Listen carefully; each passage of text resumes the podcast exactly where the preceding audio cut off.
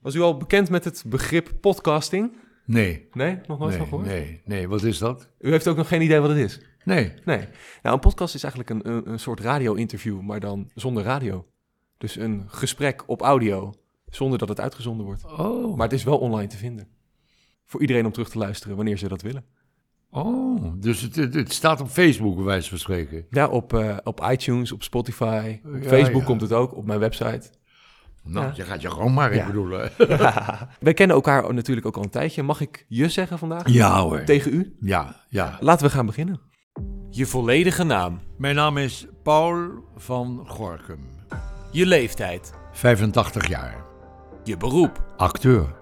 bekend van, Ontelbare dingen. Dat toneelstukken, televisie, film, hoorspelen, radio, commercials, modeshows, foto's. Eh, nou, het lijkt me wel voldoende.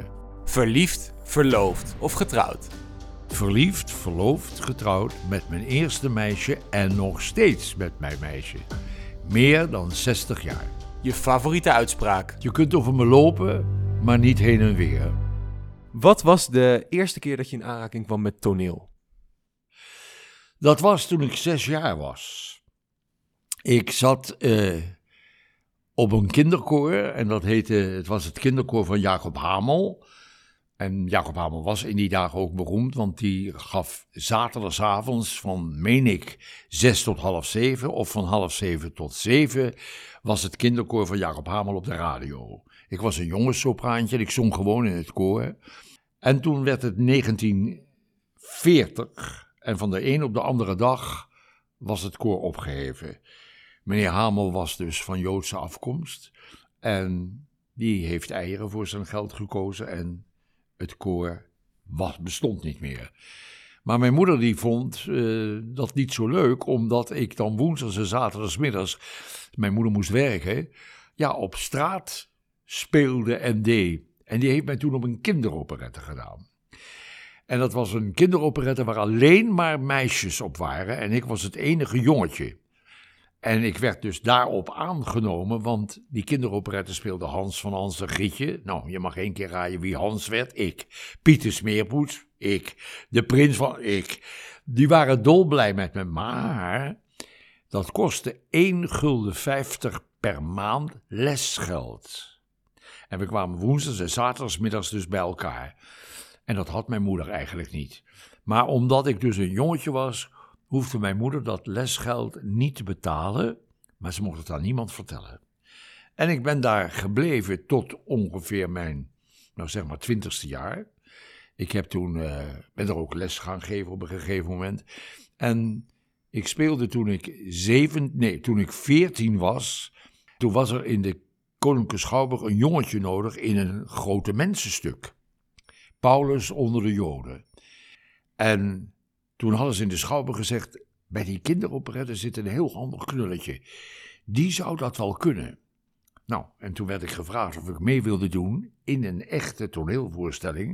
Ik had een paar zinnen en ik moest op een gegeven moment ook zingen. Nou, dat kwam allemaal goed uit. Wij woonden vlak bij de Schouwburg, dus ik mocht van mijn moeder s'avonds om acht uur in de Schouwburg zijn, mits ik na de derde scène naar huis kwam. En dat is nooit gebeurd. Ik ben altijd gebleven tot aan het eind. Heb iedere avond het stuk gezien. En toen was ik 17 en toen was er een eh, sprookjestuin tussen Den Haag en Wassenaar.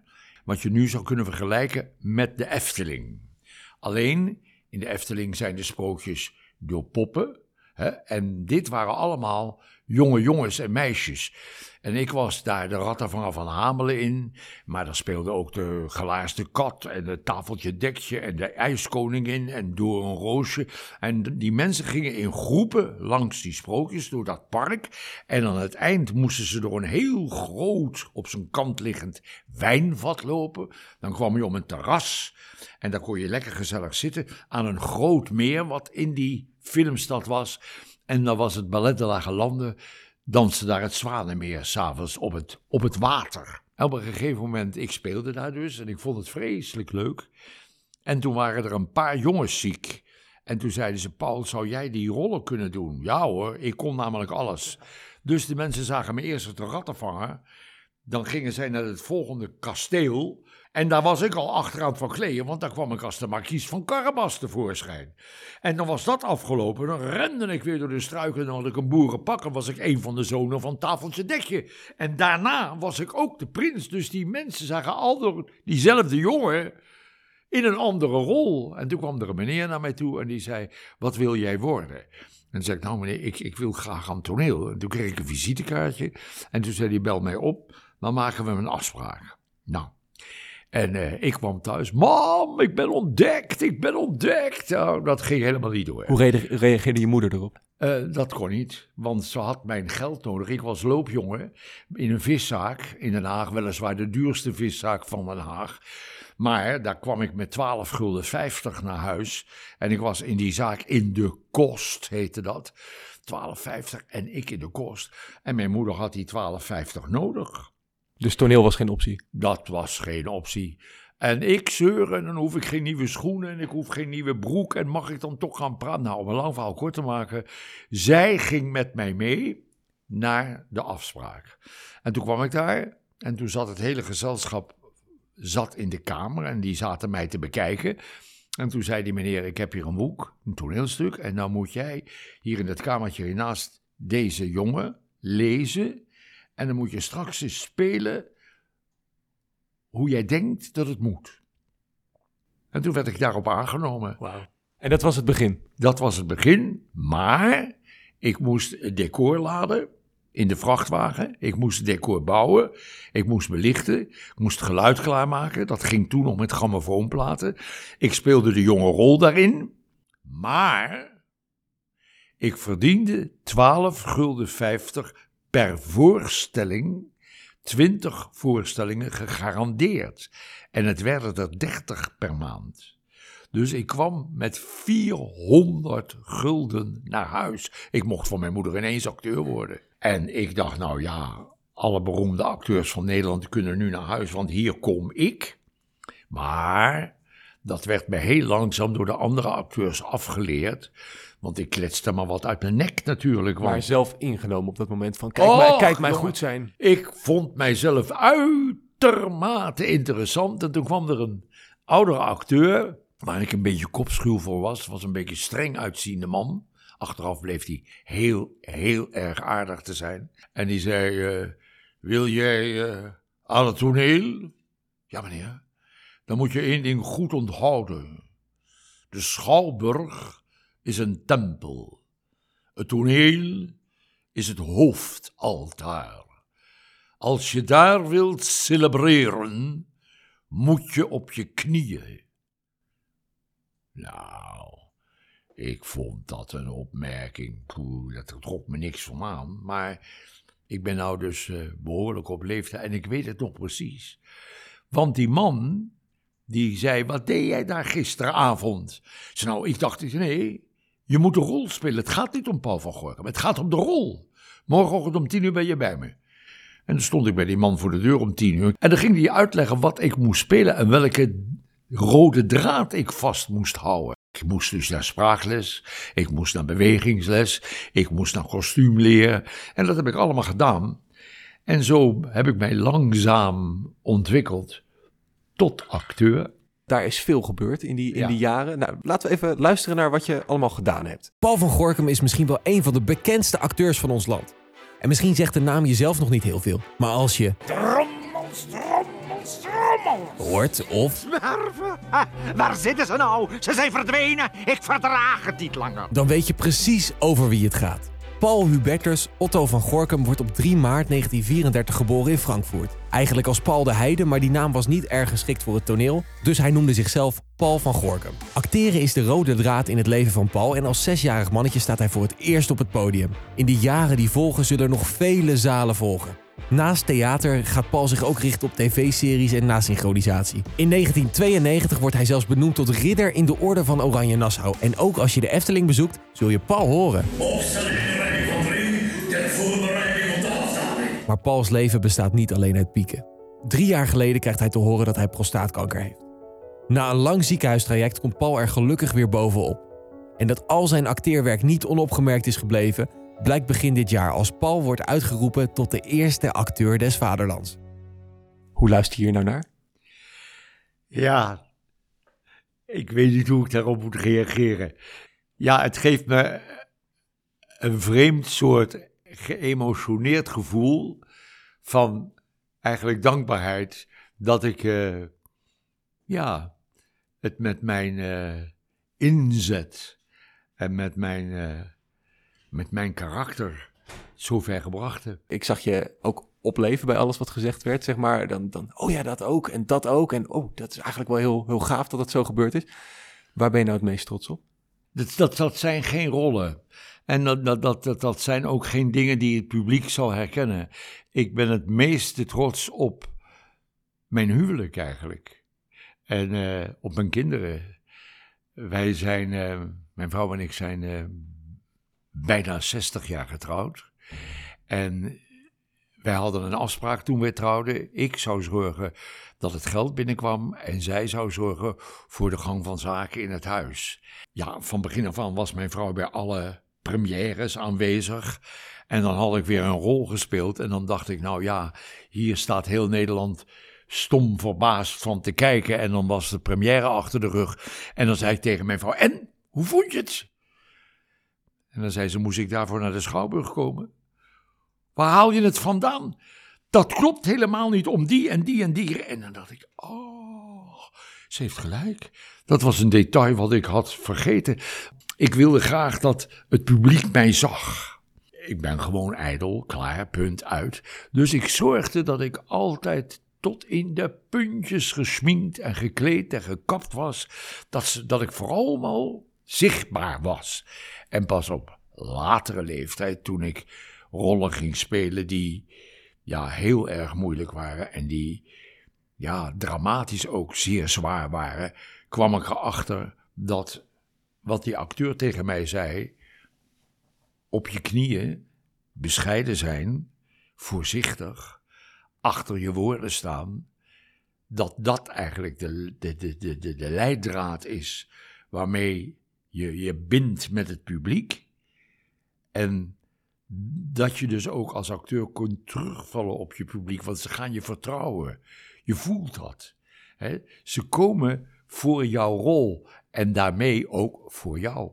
Op dat gebied ben ik eigenlijk vreselijk trots dat ik het, dat ik het bereikt heb dat mensen op dit moment eigenlijk precies weten wie ik ben.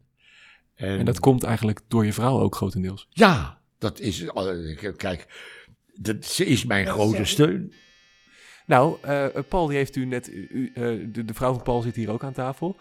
Uh, die, die heeft je net een aantal veren goed erin gestoken. het, het, is een berg veren waar je nou ja, jaloers op kan zijn. Ja. is dat altijd iets wat gebeurd is? Ja, ja, ja. Ik had ook actrice willen worden. Kom maar, ah. kom maar hier. hier. Ik had graag actrice willen worden. En, Zou je goed bij de microfoon willen gaan zitten? Ik werd natuurlijk ook niet zo begeleid door mijn ouderlijk huis, want die vonden dat maar waardeloos, armoeig, ga zo maar door. Dus ik moest verder gaan met leren. Ik had een vriendje en die was een beetje van het amateurtoneel ook. En ik zat dus ook op het amateurtoneel. Door die vriend heb ik Paul leren kennen. Ja, ja, en dat was. Die vriend theater. was figurant bij ons. Ja. En die zei: Ik ken een meisje die wil graag aan het beroepstoneel. Ja. ja. Kan jij iets voor haar zijn? Ik zei: Nou ja, dan, dan moet ik toch eerst met haar praten. Ik kan toch niet zomaar iemand aanbevelen. En toen hebben we een afspraak gemaakt bij hem thuis. En daar kwam ik in gesprek met haar. En toen dacht ik: Dat is het meisje waar ik mee trouw. En toen dacht ik, en die gaat nooit aan toneel. En dat heb ik ook eerlijk gezegd. Maar waarom? Was ze niet goed genoeg? Omdat in mijn. Hij wilde er niet kwijt. Toneel wordt door de eeuwen heen voor mannen geschreven. Kijk naar Shakespeare: 28 mannen, één Julia met haar moeder en een voedster. Klaar. Het toneel wordt, werd in die dagen ook gespeeld door haast alleen maar mannen. Dus als een gezelschap een meisje nodig had, was je eeuwig een, een dienstmeisje. eh, een hoertje, altijd in rood gekleed. eh, iemand die voorbij liep, een voorbijgangster. Maar nooit de grote rol, want dan werd er gekozen uit een hoop meiden, laat maar zeggen zeker tien, waarvan één altijd, dat hing er natuurlijk vanaf hoe goed ze met de directeur of met de regisseur was, de rol kreeg. En dan dacht ik altijd, dat is een beetje verdrietig, vind ik dat. Dus eigenlijk probeerde je het te, er te beschermen. ja, en toen heb ik gezegd, dat moet je gewoon niet doen, want toneel is leuk om te doen, maar toneel houdt ook heel veel verdriet in. Je krijgt nooit de rol die je wilt. Je wilt dolgraag dat spelen, maar het gaat altijd naar een ander. De grote vrouwenrollen, Queen Elizabeth of, of, of, of, of, of nou ja, dat soort rollen, die, de drie zusters bijvoorbeeld, die komen maar zelden voor. Dus je zit ook te wachten als vrouw. Veel te lang. Dus dat was mede de reden dat ik dacht: nee, laat zij nou lekker, ook als we getrouwd zijn, in die amateurvereniging blijven. Kan ze toch de hart ophalen. Ik heb overigens die amateurvereniging 20 jaar geregisseerd, ook nog. En niet altijd mijn vrouw in de hoofdrol, maar juist in de rol waarvan ze, waar ze door uit kon blinken. Nou ja, en, dat, en zo is het ook gebeurd. Leuk om dit te horen en ook om Ja. te zien hoe jullie die chemie hebben. Want wij, wij zitten hier met z'n tweeën te praten. Je vrouw komt Ja. erbij. Die wil eigenlijk ook wel wat, wat toevoegen. Ja. Dat- Nou, je- ik wilde in eerste instantie niks toevoegen hoor. Alleen maar luisteren. Ja, ja, ja. nou, je, bent- je bent van harte welkom. Van harte welkom. De eerste acteur des vaderlands ook. Ja. Wat wordt eh, je nou zoveel gevraagd nu je echt beroemd bent? Kijk, ik, ik heb nu de leeftijd bereikt dat ze denken, ja, dat is een oude man en daar is geen tijd meer voor. Maar bijvoorbeeld, eh, ik heb eh, 50 jaar geleden in Floris en Sindela gezeten. Daar hebben we een enorm leuke ontmoeting gehad met Jan Kooi, die een boek daarover geschreven heeft. En eh, daar zijn dus degenen die nog leefden naar Loevestein gekomen om dus daar over te praten, hoe dat ging enzovoorts. En nu heeft het museum in Horen, het museum van, een kunstmuseum, die gaan daar een tentoonstelling aan wijden over het boek en over de kostuums en over de requisieten. Ja, en dan krijg ik een keurige uitnodiging of ik een van de gasten wil zijn. Ja, en dat vind ik natuurlijk enig. Dat, dat, dat, ja, dat, dat is, de uitnodiging is een blijk van waardering. De dingen die nu nog gevraagd worden zijn vooral terugpakken op eerdere rollen. Ja, ja, ja, ja, in wezen wel, ja. Hoe, hoe vaak word je nog gebeld voor drommels, drommels? Of, of je even Gargamel Nou, zijn? niet meer s'avonds. Dat, dat was vroeger heel, eh, heel veel.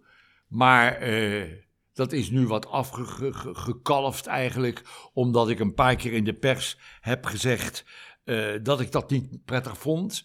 Want ze deden dat ook s'nachts om twee uur. En... dus het is nu rustig. Maar ik heb wel eens vroeger uitnodigingen gehad of ik als de baron de tele een telefoonbandje in wil spreken. Dat heb ik nooit gedaan. Nee, want voordat we net de, de, de, de set aanzetten, zat je al een beetje te, te, te, te, te pielen hier eigenlijk. En je begon ineens een telefoonband in te spreken. Ja. Gewoon om even te kijken hoe ja, het klonk. Ja, ja, ja, ja. Nou ja, omdat de telefoonband is naar degene die jou opbelt je visitekaartje. Als je bijvoorbeeld naar een hotel belt, en zelfs de hoge en grote gerenommeerde hotels in Nederland, hoor je een meisjesstem. En die zegt, wel eens met het hotel 77, bij Jan van Geils, waar waar kan ik meer van dienst zijn? En je weet nog niet thuis wie je aan de lijn had. Nee. Of je überhaupt wel verbonden bent met dat hotel. Je kwam nu hier met al die apparatuur. En dan vind ik het voor jou leuk als je een stemtest nodig hebt. Dat ik dan hier ga zeggen: U bent verbonden met de telefoonbeantwoorder van Paul van Gorkum. Wij zijn op dit moment afwezig. Maar u kunt toch uw naam en telefoonnummer opgeven. Begint u alstublieft zo duidelijk mogelijk met uw naam en telefoonnummer uit te spreken, zodat wij u terug kunnen bellen. Na een korte pauze hoort u een fluitsignaal.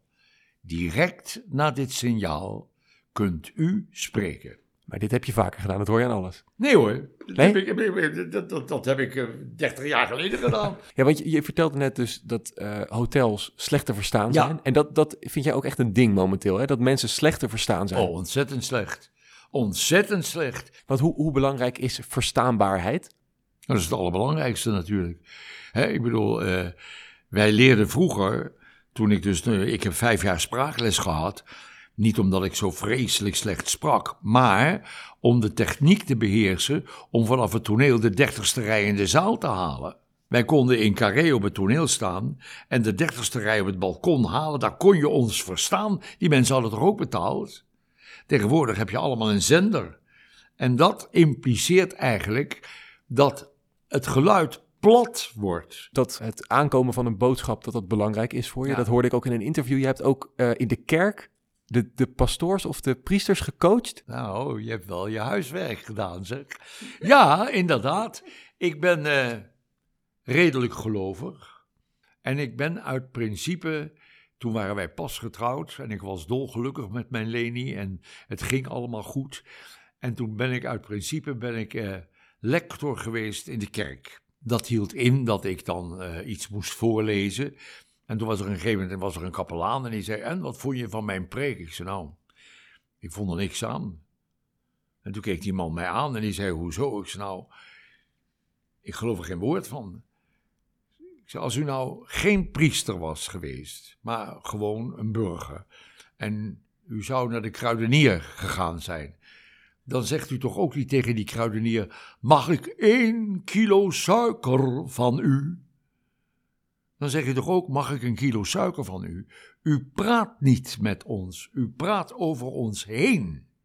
Nou, de man was lichtelijk gekwetst. En toen werd ik bij de pastoor geroepen een paar dagen later. En die zei, u had kritiek. Ik zei, ja, ik vind dat gewoon zo. En toen zei hij, zou u hem les willen geven? Ik zei, ja hoor, dat wil ik best doen. Dus hij kwam en moesten, we deden dat in een schoollokaal, want die waren zaterdags en zondags leeg. En stond hij in de hoek van een schoollokaal en deed dan zijn preek, preek voor zondag. En ik zat dan gewoon te luisteren. En zei ik, nee, hier en daar, daar ga je op hol, dat moet niet. De woorden moeten over de negende rij ketsen in de zaal. Ik regisseerde hem dus gewoon. Wil je wat drinken? Eh, ik neem nog wat van mijn water wat daar staat. Hij neemt nog wat van zijn water. Ja, ik heb hem nog niet op namelijk. Dus, eh, Nee, nee. nee ik heb hem nog, niet, eh, nog niet leeg. Is de toneelwereld een harde wereld? Ja en nee, het kan, het kan, het kan heel, heel verdrietig voor je zijn dat je dus eh, met de, met de beste bedoelingen komt en dat een regisseur niet tevreden raakt en dus je gewoon de rol afneemt en eh, dan gaat hij naar een ander toe. Ja, dat gebeurt wel. Maar ja, dat eh noem mij iets in het leven wat eh, niet hard is. Het is niet specifiek in de theaterwereld, maar het gebeurt omdat je een dienstbaar beroep hebt. Je wilt graag dat stuk spelen. Hè? En, dan- en, en, en dan wil je het publiek ja, verrassen met een zo goed mogelijke voorstelling. En hoe gaat Paul van Gorkum om met kritiek? Ik heb één keer in mijn leven een verschrikkelijke kritiek gekregen. En dat was in Antigone van Anouilh. En ik was toen 22, 23. Ik kreeg daar de rol van de wachter van de poort van Thebe. En ik had het gevoel dat dat een man moest zijn ja, die getrouwd was, een kinderen had, levenswijsheid had.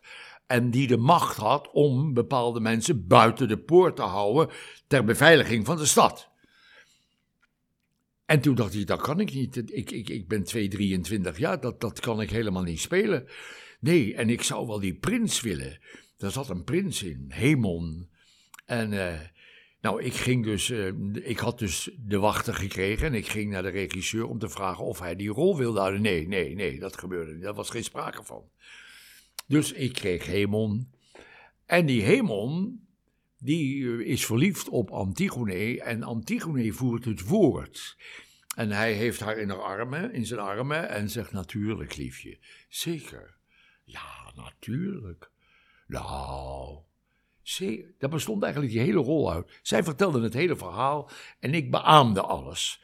En ik deed dat op het toneel, naar eer en geweten. En toen kwam de pers uit en toen stond er de De, de rol van Paul van Gorkum, van Hemon, was niet om aan te zien.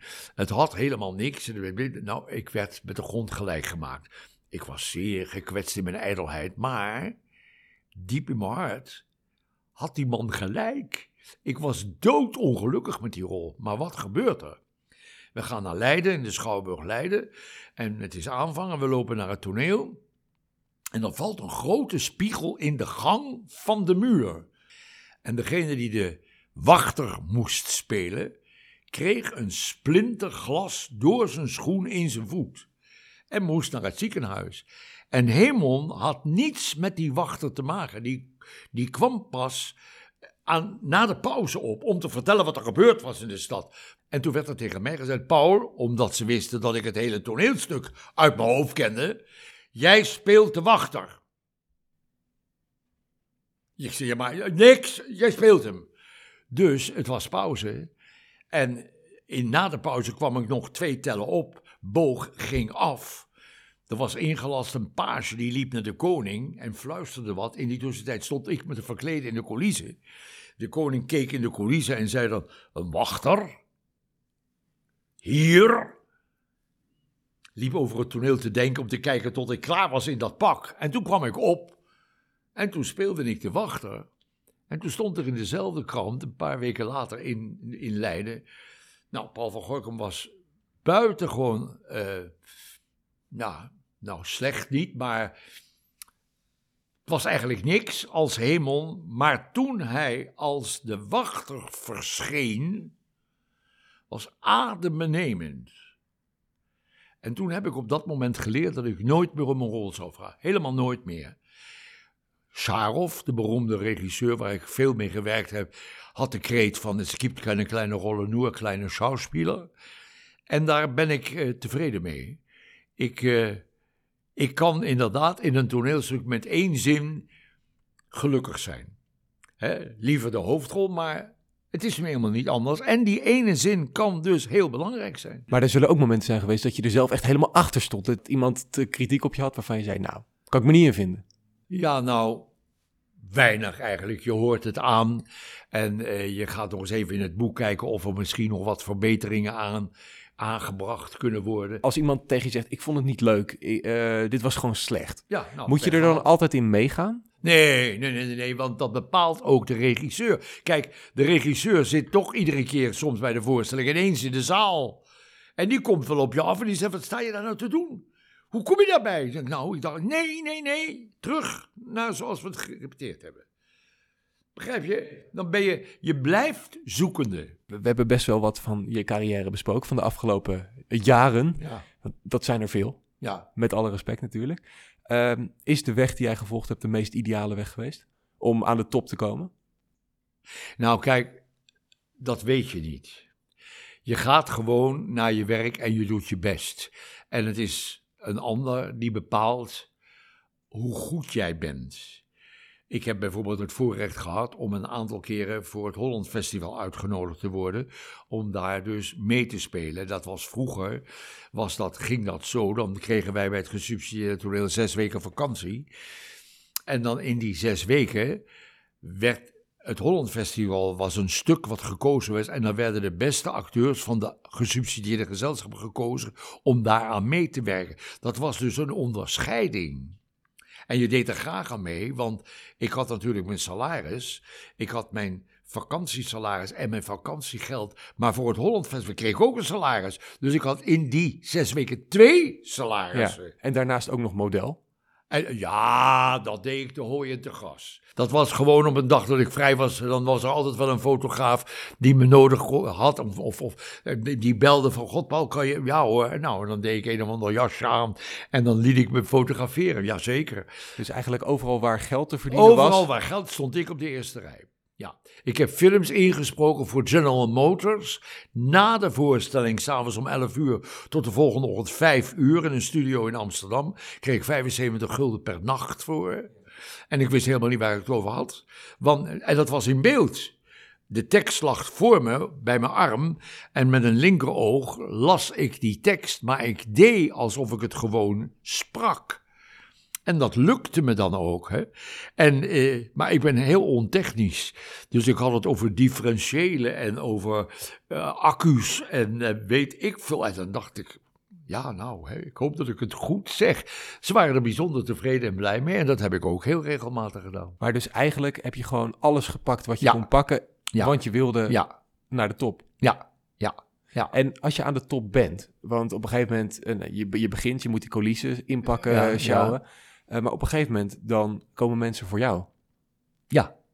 Ja, nou, En dat dan? merk je. Ja, maar de, de- vooral, want je werkt naar een punt toe. Ja. En als Ja. je op dat punt bent, hoe zorg je dan dat je relevant blijft? Nou, kijk, je weet niet dat je op dat punt bent. Iedere avond opnieuw is het weer een, eh, een struggle, een, een, een strijd om het punt te halen. Maar je weet niet of je het gehaald hebt. Maar je komt er gewoon achter doordat er ineens mensen achter het toneel komen en zeggen: Meneer Van Gorkum, ik moet u even complimenteren. Ik ben van zo fijn en zo dit en dat. Nou ja, logisch hè. Maar het is dan toch een rijpe vrucht die je plukt van al je inspanningen. Je staat ook niet alleen toneel te spelen. Je speelt altijd met je collega's. Zonder je collega's kun je het zelfs niet eens. Dus daar moet je ook mee op goede voet blijven. En moet je begrip hebben voor allerlei kleinigheden die ineens voorvallen of niet voorvallen. Of ja, een moment dat je je tekst kwijt bent. De zaal merkt daar niks van. Die heeft echt niet in de gaten dat je ineens dingen zegt die niet bij het stuk horen. Maar je collega's waar je mee op het toilet, die horen het. En die weten, oh god, hij is de tekst kwijt. Nou ja, en die, die, die vangen je dan op. Het is een kwestie van heel fijn samenwerken met elkaar. En alles aanpakken wat je kan aanpakken. En alles aanpakken wat je kunt, ja. Moet je keuzes maken op jonge leeftijd? Of zeg je gewoon alles doen? Alles. Alles. Gewoon alles. En het is zo, als je jong en onbevangen bent, zijn er altijd ouderen die je helpen. Maar wat ik zei, de acteur die tegen zegt, wat stond je daar nou te doen, joh? Kom eens even hier, luister eens even eens. Zo, zo, zo. Johan de Meester, een ook wereldberoemd regisseur en directeur van de Nederlandse Comedie Amsterdam. Daar zat ik in Lucifer van Vondel voor de televisie. Nou ja, voor de televisie. En dat waren live opnames. Dat, was, dat, was, dat kon niet opgenomen worden. Dat werd live uitgezonden. En dan moest ik van een trap afkomen. En dat was natuurlijk middeleeuwse tekst. Zo van. eh, hij steigert stijl van krijts in krijts op ons gezicht. Hij streeft de wind voorbij. Nou, en dan moest ik van die trap afkomen. En dan riep Johan de Meester: Ja, mooi, mooi, mooi, mooi.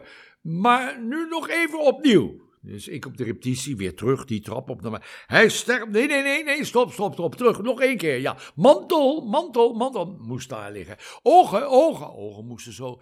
Onderlip zo. Ja, nog een keer. En dan kwam je weer die trap af. Goed, goed, goed. Nu nog een keer. En nu nog een keer. En dan liet hij je acht, negen keer die trap oplopen en dat doen. En dan zei hij, juist ja, dit was negen keer en nu nog één keer, nog nul keer om het niet te vergeten. En dan moest ik weer die trap af. En al die tijd moesten de collega's wachten totdat je alle heffingen en ritmes te pakken had. Toen behoorde dat gewoon bij je opleiding. Klaar. Wij moesten onszelf ook swinken. Ik heb twee jaar bij Michels gezeten, dat was de beroemdste grimeur van, van Nederland in Amsterdam, om te leren grimeren. Dus als Van Gorkum s'avonds vrij was, bijvoorbeeld op vrijdag en zaterdagavond toevallig, grimeerde ik amateurverenigingen. En dan kon ik weer 25 gulden verdienen. Begrijp je? Ik ben altijd bezig geweest. Altijd als er maar geld was, dan was Ja. Van Gorkum er. Ja, Dat je veel werkt betekent ook dat je op je rust moet letten. ja. Ja. Hoe, hoe deed je dat? Je moet je, je, je spanningsvelden verdelen. Kijk, je moet je realiseren, als ik s'avonds uit, uit Eindhoven kwam, Grote Schouwburg Eindhoven, dat was dus eh, een uur en 25 minuten rijden, was ik zo tegen half één, kwart voor één thuis. Even zitten, even de krant lezen, naar bed. Volgende ochtend om zeven uur op, acht uur aangekleed, in de auto naar Hilversum, hoorspel doen, tot drie uur. En om drie uur terug vanuit Hilversum naar Tilburg, s'avonds weer spelen. En dat deed ik maanden. En dat ging ook heel goed, want ik dronk niet. Ik ben überhaupt, kijk, ik lust een lekkere borrel, heerlijk. Maar mijn verstand zei, dat moet je gewoon niet aan beginnen. Dat moet je niet doen. Je gaat gewoon naar huis. Het is werk. Toneelspelen is niet alleen kunst, maar het is ook werk. Je moet ervan leven. En je moet er een gezin van onderhouden. Nou, dat, dat probeerde ik dan ook. Dus ik kon, als ik dus niks te doen had en ik had ook geen snabbels, nou ja, dan eh, boeken te lezen. Ik ben ook in de vakantietijd dat ik geen Holland Festival ging ik echt zes weken op vakantie. Met de kinderen en met mijn opperhoofd. En dan gingen we naar Oostenrijk of naar weet ik veel wat. En daar genoten we van. Want ik kon het me permitteren, financieel. Kon ik, want ik had het verdiend. En dat geeft een enorme ontlading. Het geeft je ook een enorm veel zelfvertrouwen. En als nu, nou goed, we zitten hier aan, de tafel in, eh, Ja. in je woonkamer. Stel dat nu de, de, de Paul van Gorkum van 24 jaar hier binnen zou komen, want zo oud ben ik, die komt hier tegenover je zitten. En die vraagt, Paul, hoe word ik beroemd? Wat zou je zeggen? Luisteren, je oor te luisteren, luisteren. En lezen, lezen, lezen. En leren, leren, leren. Ik weet niet hoeveel Bijbels ik uit mijn hoofd heb gekend. Dan zeggen ze dat jij dat weet, ja, maar dat was er ingeprent. Dat zat in mijn hoofd en dat zit er eigenlijk nog. En als die jonge Paul van Gorkum u zou vragen om een pep talk, een motivatie om door te gaan nu, beginnend, dat is niet altijd even makkelijk. Er wordt op je neergekeken. Hoe zou u de jonge Paul van Gorkum motiveren met de kennis van nu? Luisteren, luisteren, luisteren. En niet van je, ja, van je voetstuk afkomen. Als je een probleem krijgt als jong acteur met de regisseur over bepaalde tekst, praten. Naar hem toe gaan. Dat moet je niet direct bij de repetities doen. Eerst maar eens proberen op de repetitie of het lukt. Maar als dat niet lukt, ga naar hem toe en zeg: Meneer, mag ik even met u praten? Ik kom er niet uit. Wat, wat doe ik fout? Waarom doe ik het fout? Wat voel ik verkeerd? Begrijp je? En er is geen regisseur die zegt: Nou, daar heb ik nou geen tijd voor. Hè? Daar, eh, zoek dat zelf maar uit. Je bent een beroeps? Nee. Iedere regisseur zal dat proberen. Klaar. Oké, dus praat over je onzekerheid. Praten over je onzekerheid, ja. Ja. In de afgelopen jaren heb je eh, veel interviews gegeven natuurlijk. Eh, nou ja, als afsluiting van deze podcast wil ik je eigenlijk vragen... welke vraag is er nou eigenlijk nooit gesteld, maar wil je heel graag beantwoorden? Nee, er is er niet één bij. Alle vragen zijn me gesteld, ja. Alle vragen zijn er, er is er niet één bij. Is er nog een onderwerp waar je graag over praat? Waar Nee. niemand ooit naar vraagt? Nee, nee, nee, nee. Ik ben tevreden. Uiterst tevreden. En eh, ik zeg, ik ga met respect naar voorstellingen toe om te kijken, om ervan te genieten. Hè? En ja, om een beetje te kijken hoe men tegenwoordig speelt. Het jammere vind ik dat er, behalve in de musicalwereld, op het toneel geen stukken meer gespeeld worden met echte decors van kamers en paleizen en tuinen. Er hangen dus eh, vier witte lappen naar beneden en daar wordt met een dia een tuin op geprojecteerd. Iedere lap is dezelfde tuin. Hè? En eh, dan moet jij als zaal maar denken, oh, dat is de tuin. Hè? En als jij dat dan eh, niet begrijpt in de zaal, is het jouw schuld. En dat vind ik soms wel jammer. Paul, ik wil je bedanken voor eh, de eerste potbast die we hebben opgenomen. De eerste. De eerste, je bent de eerste gast. Hoe eh, beviel het? Want in het begin wist je nog niet wat een podcast was. Hoe, Nee. hoe heb je het ervaren? Nou, kijk, weet je wat het is? Hoe heb ik het ervaren? Als heel erg leuk. En ik hoop dat ik met mijn vele gepraat toch jongere mensen een beetje wakker schud. Dat dit vak niet zo makkelijk is als dat je denkt. En dat een zekere mate van bescheidenheid toch op zijn plaats is. En ik denk dat ik daar in mijn hele loopbaan toch tot op zekere hoogte aan beantwoord heb. Anders ja, was ik al lang en breed verloren gegaan. Paul, dankjewel. Graag gedaan. Dit was de eerste potbast met mij als gast, Paul van Gorkum. Als je dit een interessante podcast vond, geef hem dan 5 sterren in iTunes. Op die manier kunnen meer mensen de podcast horen. Als je wilt reageren, kan dat ook via www.bastianmeijer.nl of via Instagram apenstaartje de radio meneer.